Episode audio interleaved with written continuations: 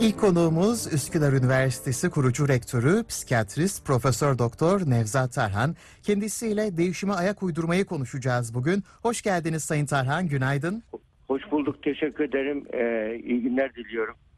E, değişmeye hazır mıyız? Değişim nedir? Gerekli midir? Bütün bunlara yanıtlar arayacağız bu programda. E, değişim kaçınılmaz ama bizler o kaçınılmazı yeterince gerçekleştirebiliyor muyuz? E, uyum sağlayabiliyor muyuz? Bunu konuşmak gerekir. E, sizin aktarımınızla buyurun efendim. Tabii yani değişim gerçekten hep insanlık tarihinde de- değişim e, en önemli hakikat olmuş. Mesela bir bin sene önceki e, örümcek, karınca yuvasını aynı yapıyor ama insan aynı yapmıyor. Yani insanda değişim gerçeğe çok daha e, fazla gözüküyor. Bunu da ilk dile getiren e, ünlü e, filozof yine Anadolu filozoflarından Heraklit olmuş. O, onun meşhur bir sözüdür. Değişmeyen tek şey değişim hakikatidir diye söylüyor. Hatta aynı suda iki defa yıkanmaz, yıkanılmaz sözü de o- onun sözü olduğu söylenir. Ve değişimi en güzel anlatan şey bu. Yani, yani evrendeki en büyük hakikat gerçekten değişim var. E, O değişimi değişim günümüzde nasıl peki değişim? E, Daha önce bir e, özellikle sosyal olaylardaki, teknolojideki, insanın hayatındaki değişimde bir değişimin yeni bir bilginin yarı ömrü 30 sene filandı daha önce. Ama şimdi 2-3 seneye düştü bu yarı ömrü bilginin. Yani değişim çok daha hızlandı. Çünkü hız çağında yaşıyoruz. Hız çağında yaşadığımız için değişimde yani yeni bilginin de yarı ömrü uzadı. En çok kolay değişen şey de bilgiler olmaya başladı. Ve insanın böyle durumda bunun e, en önemli tetikleyicisi de e, iletişim teknolojilerindeki gelişme. Bilgideki bilginin dolaşımındaki gelişme. Yani bilgi hareketliliği olduğu yerde ekonomik hareketlilik de arttı, sosyal hareketlilik arttı, parasal hareketlilik arttı, her şey arttı. Böyle olunca e, zaman baskısı oldu, zaman yetmemeye başladı, hızla değişiyor. Yani e, değiş, değişmek şuna benziyor. Bisiklet, bisiklet kullanan bir insan belli bir tempoda kullanması gerekir. Durduğu an devrilir. Aşırı giderse yine devrilir. O halde bir hedefiniz vardır ona gidiyorsunuz. Önünüze bir engel çıktığı zaman ona göre yolunuzu değiştireceksiniz. İşte navigasyonunuza bakacaksınız. Ona göre ilerleyeceksiniz. Böyle durumlarda devamlı tetikte olmayı gerekiyor değişim hakikatinde. Hatta bu değişimle ilgili beyin çalışmaları da var. Beynimizin tam orta bölgelerinde nohut büyüklüğünde bir bölge var. Aku- Akumsen, nucleus acum, accumbens diye bir bölge. Bu beynin aynı zamanda ödül ceza sistemiyle ilgili. Yani ha- müthiş bir haz salgılar. Aynı zamanda ödül merkezi ve aynı zamanda da değişimde de orası çok canlanır. İlginçtir. Yani insanın o beynin o bölgesini en çok harekete geçiren e, böyle e, sabit aldığı ücret değildir. Sürpriz kazanımlardır. Yani beyindeki işte ba- bağımlılıkta da madde kullanımda da beynin o merkezi tetikleniyor. Yani her zaman aldığı maaş insanı e, çok e, belli bir sınırda mutlu ediyor. Ama beyindeki o nucleus accumbens denilen bölge, nohut büyüklüğündeki ortasındaki bölge iki tane nohutçuk beyinde onlar e, onlar e, alışılmışın dışındaki ödülle onu şey yapıyor. Haz müthiş haz veriyor. Mesela bakıyorsun işte dağcılık yapıyor, yeni maceralar atıyor, yeni şeyleri yapıyor. Sanki orgazm olmuş gibi haz alıyor kişi. Bir iş adamının e, bir röportajını dinlemiştim. Ya ben yeni yatırım yaptığım zaman orgazm olmuş oluyor demişti. Bu da mesela bazı müzik türleri vardır ki yani sanki böyle yalnızlığın feryadı gibi, yalnızlığın çığırtkanlığı gibi böyle aşırı gürültülü bir müzik yapar. İşte o müzik de beynin o bölgesine etkiliyor. Geçici bir haz veriyor. Maddeler de etkiliyor. Ama e, bizim faydalı değişimde de beynin o bölgesi etkileniyor yine. Hangi değişimin faydalı, hangi değişimin zararlı olduğunu kişinin beynindeki muhakeme bölgesi karar veriyor. Karar verme bölgesi karar veriyor. İşte burada değişim hakikatinde insanın beyninin muhakeme bölgesini çalıştırabilmesi frontal lob. Hatta frontal lob olmazsa medeniyet olmazdı. Bunu diyoruz. Hı hı. E, bunu kullanabilmekte de tabii şey var. Kişinin Yani bazı kişiler statikocudur. Belli bir konfor alanı vardır. Hiç değişmesini istemez onun. Evet. Özellikle başarılı iş adamlarında bunu görürüz. Başarılı devlet adamlarında görürüz. Belli bir, düzen kurmuşlardır. Belli bir konfor alanları oluşmuştur. O konfor alanlarını korumaya göre artık hareket ederler. Yeni yatırım yapmazlar mesela. Halbuki ikinci kuşak çocuklar gelir, oğullar gelir. Baba bak dünya şuna doğru gidiyor. Yeni bir şey icat edilmiş. Onu değiştirelim derler. Yok kaybederiz mevcut olduğumuz bütün şeyi de kaybetme korkusu ortaya çıkar. Mesela Nokia öyle kaybetmiş. Kendi itiraf etti. Yani ben o şeyin e, grafiği kullanarak e, yaptığı, Apple'ın yaptığı yeniliği bu şey gibi lüzumsuz görmüş. Mesela Bill Gates internet çıktığı zaman pahalı bir oyuncak demiş. Kaçırmış onu. Yani belli bir başarı elde edenlerde bir konfor alanı oluşuyor. Konfor alanına çıktığı zaman şeyleri bozuluyor. Ezberleri bozulduğu için çıkmak istemiyorlar. Yani bu, bu e, değişimi e, hedefleyen kişiler de nasıl başarıyorlar bunu? Mesela bunlarla ilgili örnekler mesela kimler var? Fatih Sultan Mehmet mesela nedir? Gemileri karadan yürütmeyi yürütmüş. Değişim o, o, zaman için çok aykırı bir fikir o. Ne demek? Oradaki zincirleri aşıp gemileri kara 70 küsur gemiyi karadan indiriyor. Bütün e, de, demoralize ediyor karşı tarafı şaşırtıyor ve ondan sonra da psikolojik üstünlüğü ele geçiriyor. Psikolojik üstünlüğü ele geçirince bir direniş kırılıyor karşı tarafta. E, aynı şekilde mesela Einstein'ın yaptıkları belli bir fi- fizik artık şöyle diyorlar. Fizik bundan sonra yeni, yeni icat edecek her şey icat edilmiştir denildiği zaman Einstein çıkıyor şeyleri buluyor. O zamana kadar. Makine mühendisliği ve elektrik mühendisliği bulunuyor. O zaman diyor fizikçiler o zaman ki bir artık bir şey icat edilecek her şey icat edilmiştir diyor. Ondan sonra e, kuantum çıkıyor mesela. Bunun gibi. O niye? Farklı düşündüğü için, sorguladığı için. Sahiyane fikirleri ulaşmak için mesela Tesla yapmış bunu. Te- Tesla da şey böyle sefalet içinde yaşamış ama inandığı fikirler için mücadele etmiş. Şu andaki birçok düz akım, elektriksel akımları, alternatif akımı özellikle ona borçluyuz biz şu anda elektriğin Evet. e, teorik altyapısını konfor alanına çıkmayı başarmışlardı. Mesela bizde de e, Osmanlı artık e, mağlubiyet kabul ediyor Birinci Dünya Savaşı'nda. O dönemde e, özellikle e, ve onu unutmak gerekir, unutmamak gerekir. Yani e, Tıbbiyeli Necdet ve Mustafa Kemal Atatürk'ün şeyi e, e, Sivas Kongresi'ndeki konuşması var. Tıbbiyeli Necdet o zaman e, herkes artık konfor alanını ne görüyor? Amerikan mandası olmakta. Ve e, Sivas Kongresi'nde e, 100 küsür delege çağrılıyor. 33 kişi geliyor ve onlar da Amerikan mandası kabul etme ağırlıklı. Ve bu e, Tıbbiyeli Necdet karşı çıkıyor. Diyor ki Hik- Hikmet pardon yanlış söyledim. Karşı çıkıyor. E, diyor ki yani eğer Amerikan mandası kabul edecekseniz 19 yaşında o zaman. Biz e, e, tıbbiyeliler bağımsızlık için geldik buraya. Paşam siz kabul etseniz size de karşı çıkarız diyor. Tam da Mustafa Kemal Atatürk'ün istediği buymuş. O zaman ya istiklal ya ölüm diyor. Ya bak bu ya istiklal ya ölüm demek burada bir konfor alanı dışına çıkmaktır. Evet. Yani bu liderlikte karizmatik liderliklerin önemli özellikleri. Bütün bunlar bize neyi gösteriyor? İnsan yani liderlikler de bu değişimi yakalayabilen kişilerde bunu görüyoruz e, burada. Yani özellikle de e, değişimin önünde de bazı korku, korkular var tabii değişimi engelleyen. Mesela e, değişimi engelleyen en önemli korku da nedir? Yani yeniliği, yenilikçilik ve girişimcilik hani bu ço- 21. yüzyıl becerisi diyoruz ya yenilikçilik ve girişimcilik demek yani değişimcilik demektir. Özgürlük yenilikçiliğin, girişimciliğin, özgürlüğün önündeki en büyük engel değişim korkusudur. Yani biz burada yani değişimin yani şu anda herkes değişim değişim yanlıştır demiyor. Ama değişim gerektiği zaman değişim yapmıyor insanlar. E bu ilginçtir. Böyle durumlarda en büyük değişimler de afet durumlarında olmuştur. Afet durumlarda insan konfor alanına çıkma zor, zorunlu olarak çıkıyor.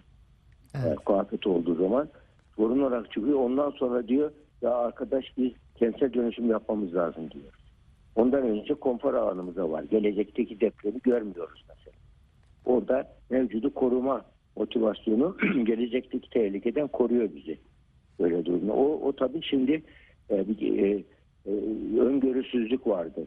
Yani bilimsel düşüncenin bir e, derin düşüncenin bir özelliği var. O özellikte gelecekteki e, öncüllerden hareketle gelecekteki muhtemel değişimleri öngörebilmektir. Gelecekteki beklentileri yönetebilmektir. Gelecekteki değişimleri öngörüp ona göre pozisyon alabilmektir. İşte bu yani öncülleri yakalayıp onlar arasında bağlantı kurmak akıl ve muhakeme ile ilgili. Yani bu, bunu bunda ancak ne olur? Yani bu, bu in silico deneyler yapılıyor şu anda bunun için bak. Bilgisayar ortamında e, düşünce deneyleri yapılıyor. Matematik modellemeler yapılıyor. Beş gün sonra hava nasıl, iklim nasıl olacak diye yap, yapıldığı gibi beş gün dü- küresel eğilimlere bakılıp beş sene sonra dünyada ne olacak? Pandemi ne olacak diye matematik modelleme yapılıyor mesela. Pandeminin 2024'te ancak artık e, güncel hayattan uzaklaşacağı söyleniyor mesela matematik modellemeler. Bunlar işte öncülleri burada bu ihtimal hesapları yapılıyor. Düşünce deneyleri yapılıyor insilik olarak bu bilgisayar ortamında. Oradan hakikati bulup insanlar e, e, en e, risk analizi yapıyorsunuz. Yani şu anda mevcut durumda kalsanız kazanacağınız, kaybedeceğiniz ne? 5 sene sonra mevcut durumda kalsanız kazanacağınız, kaybedeceğiniz ne? Bunun hesabını yapabilen kişiler değişim yönetimi yapabiliyorlar. Onun için değişim yönetimi yapmak için muhakkak bu, bununla ilgili veri toplamak, bununla ilgili öncülleri verebilmek, e, hareket etmek gerekir. Yani burada e, ben bakıyorum birçok böyle ben yenilikçiyim, ben değişimciyim diye nutuk atan kişiler uygulamaya geldikleri zaman hiç öyle değil. Evet. Bu neden? İşte tipik konfor alanlarını terk etmek istememe. Yani böyle durumlarda gerisin görürüz o zaman diyor. Ama o zaman da iş işten geçmiş oluyor. Atı alan Üsküdar'ı geçmiş oluyor. Yani bu atalarımız bu sözü bunu hiç boşuna söylememişler. Şimdi akıllı kişiler ne yapar? Risk alırlar. Değil. Ama hesaplanabilir risk almak lazım değişimden.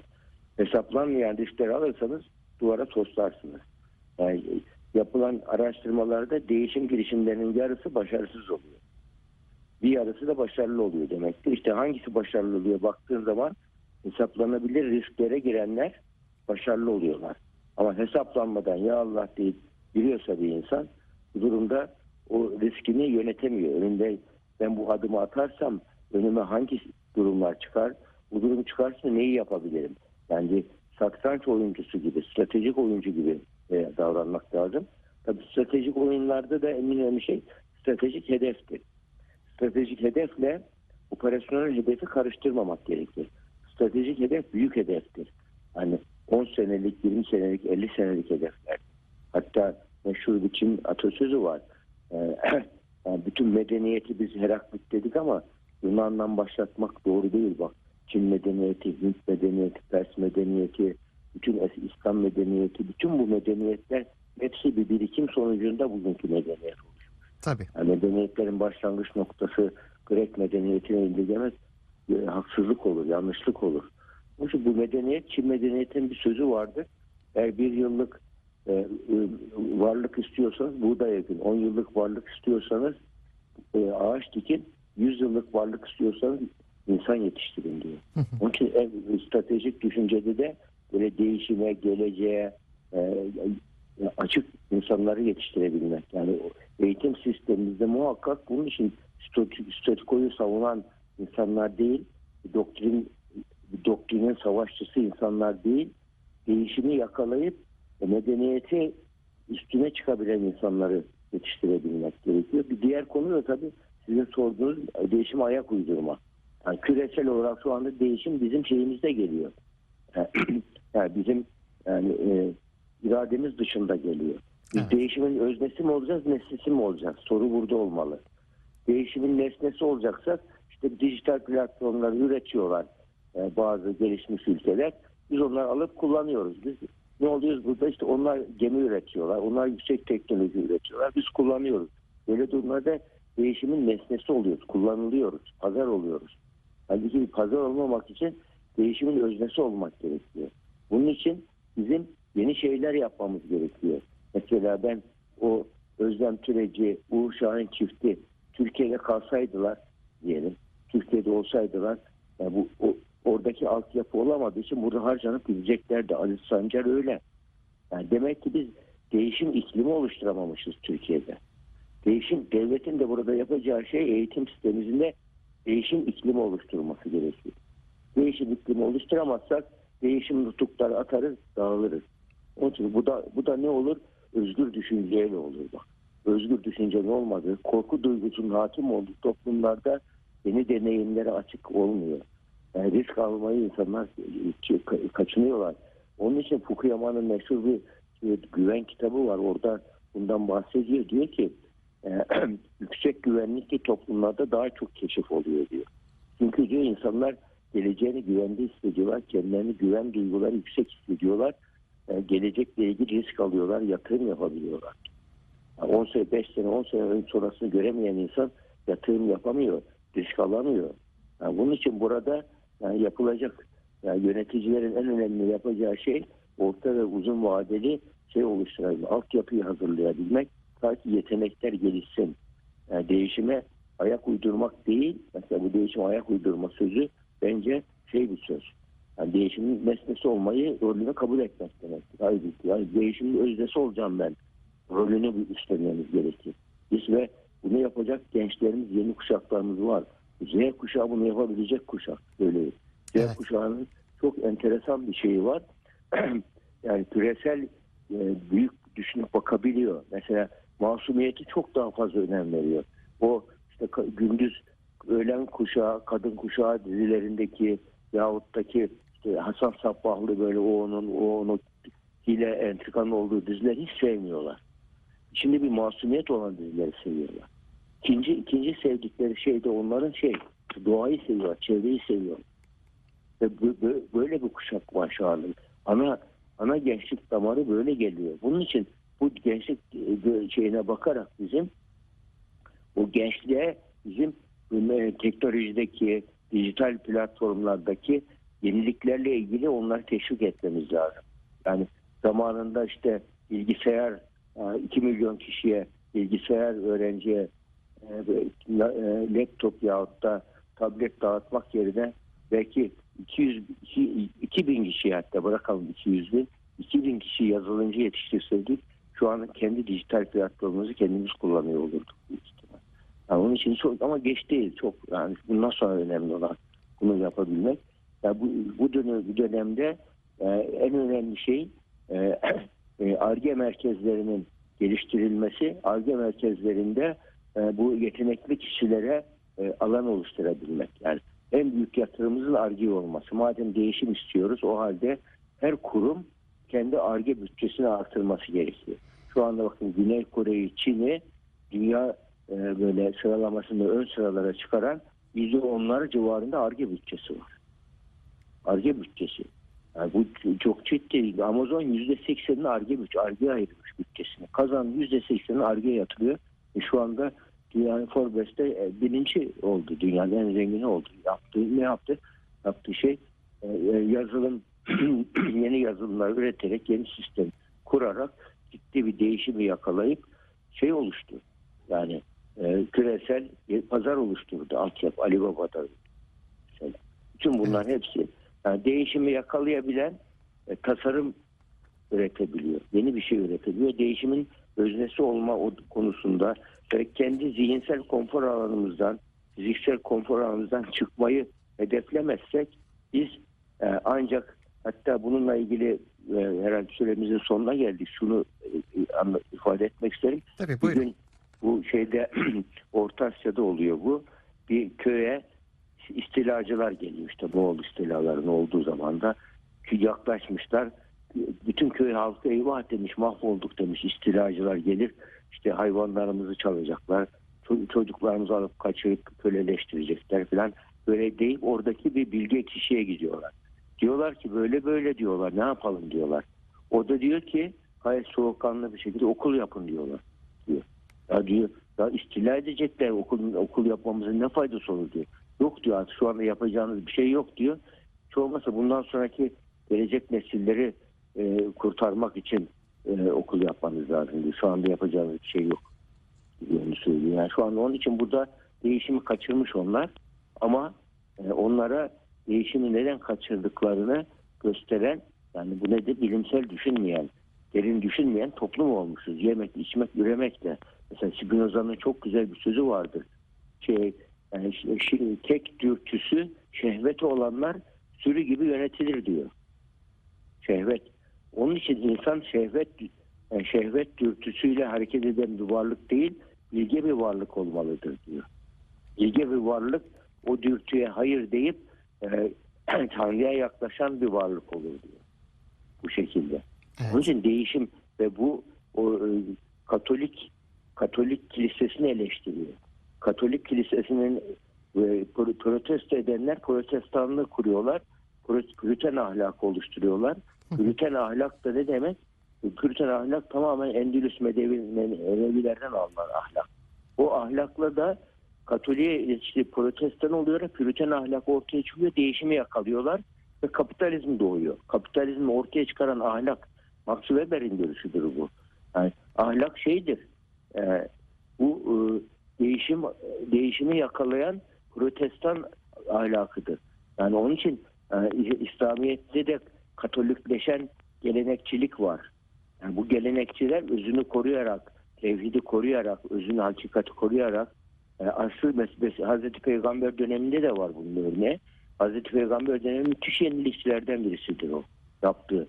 Yani o 23 senelik şey döneminde e, böyle peygamberliğin şey döneminde e, e, insanlık tarihinde bin senede oluşamamış sosyal değişim yakalamış. Yani kadın hakları, evlenme, miras hakkı, kölelik, kölelikler karşı tavırlar, bütün bunlar 23 senede kazanılmış ve mesela baskıcılık kaldırılmış e, ve mesela cumhuriyete uygun bir seçim sistemi e, oluşmuş o zaman. Yani şeyler e, halifeler e, hak seçerek gelmiş. Dört hulafa öyle seçilmiş. Her halife bir cumhuriyetçiydi sanki. Seçilmiş ama ondan sonra eski konfor alanı oluşunca e, statüko, yeni statüko devreye girmiş Eme- Emevilerle. Ama bu çağ hızlı değişim çağı. Bu çağda özü hakikati koruyarak kabuğu değiştirmemiz lazım. Bu Aa. çağın e, yani Ha- Hazreti Ali'nin dediği gibi gelecek çağa göre çocuğunuzu yetiştirin anlamında yetiştirmemiz gerekiyor. Zihinsel konforumuzu bozacağız.